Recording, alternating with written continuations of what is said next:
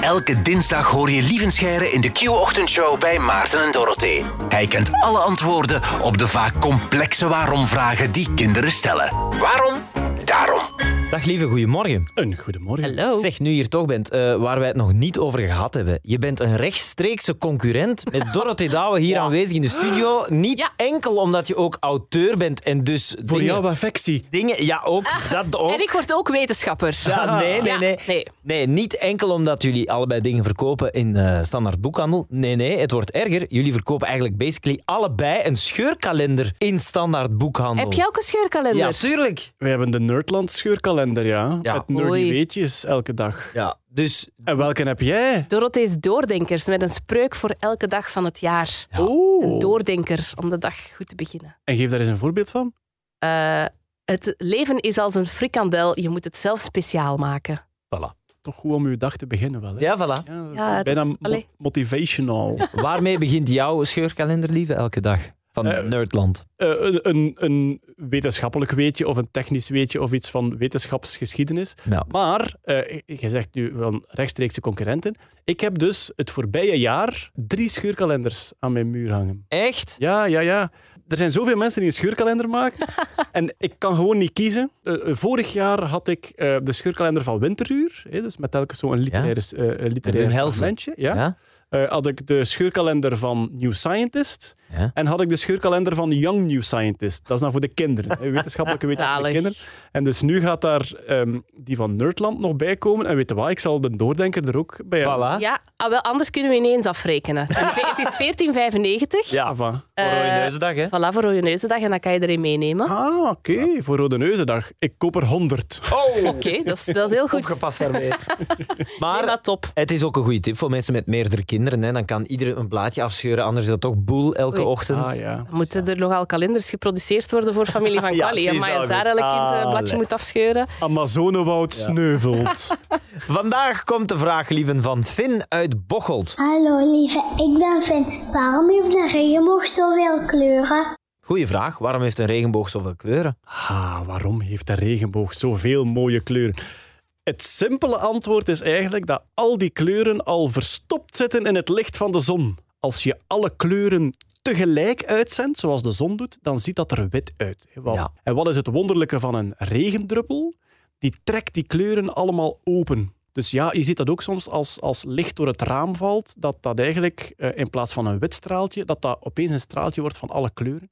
Dat komt omdat als het licht door glas gaat of door water gaat, dan zal het rode licht een scherpere bocht nemen dan het blauwe licht. Ah ja. Hè, dus eh, licht dat door water gaat, dat neemt een bochtje. Dat kan je zien als je naar een aquarium kijkt. Dan zie je ook dat zo die vis een beetje op een andere plek zwemt dan waar dat je hem zou verwachten, omdat het Ja. licht een bochtje genomen heeft.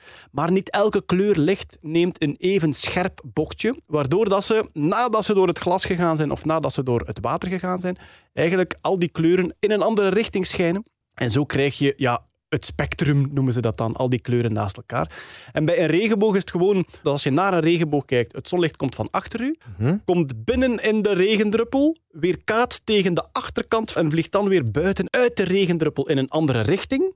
En daardoor ziet ons oog al die kleuren apart en zien we de volledige regenboog.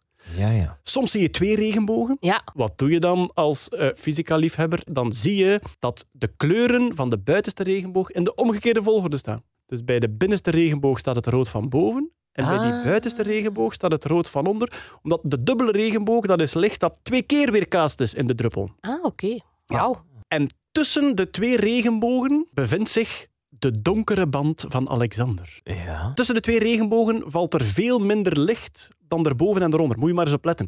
De lucht is veel helderder onder de regenboog dan erboven. En dat heet de donkere band van Alexander. Oeh. Dus als je Alexander heet en je wil een metalband starten, noem die alstublieft de donkere band van Alexander. Vind ik goed. Ja. Maar wat ik ook nog heel intrigerend vind aan de regenboog is, eigenlijk, de, de regenboogkleuren die wij zien, zijn niet alle kleuren. De regenboog loopt nog een beetje verder naar beneden en nog een beetje verder naar boven, maar dan in kleuren die wij niet kunnen zien met ons oog. Nee. Een vogel bijvoorbeeld, of een insect, ziet de regenboog nog een stukje verder dan wij, Och, omdat ons oog gewoon dat ultraviolet niet kan zien.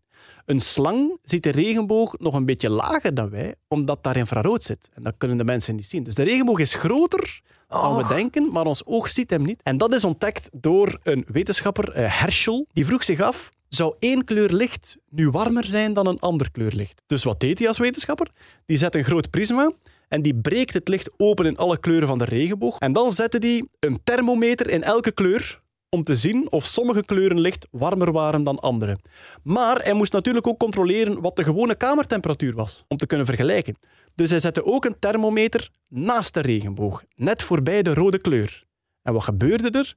De thermometer naast de regenboog werd het warmst van allemaal. En zo ontdekte hij, tja, hier valt een soort onzichtbaar licht, infrarood, wauw. voorbij de regenboog. En dat is eigenlijk de ontdekking van het infrarood. Cool. Dat is een cool verhaal dat ik helemaal Ja, nog niet wist ik kende. niet. Nee. Dus, samengevat. Waarom heeft de regenboog zoveel kleuren? Omdat al die kleuren eigenlijk al verborgen zitten in het witte licht van de zon, maar omdat sommige kleuren een ander bochtje nemen, een scherper bochtje als ze weerkaatst worden door water, gaat dat bij de regenboog al die kleuren open trekken en zien wij een hele mooie regenboogband. Een kleurrijk betoog, waarvoor dank, lieve Scheire. Tot Salut. volgende week. Joep.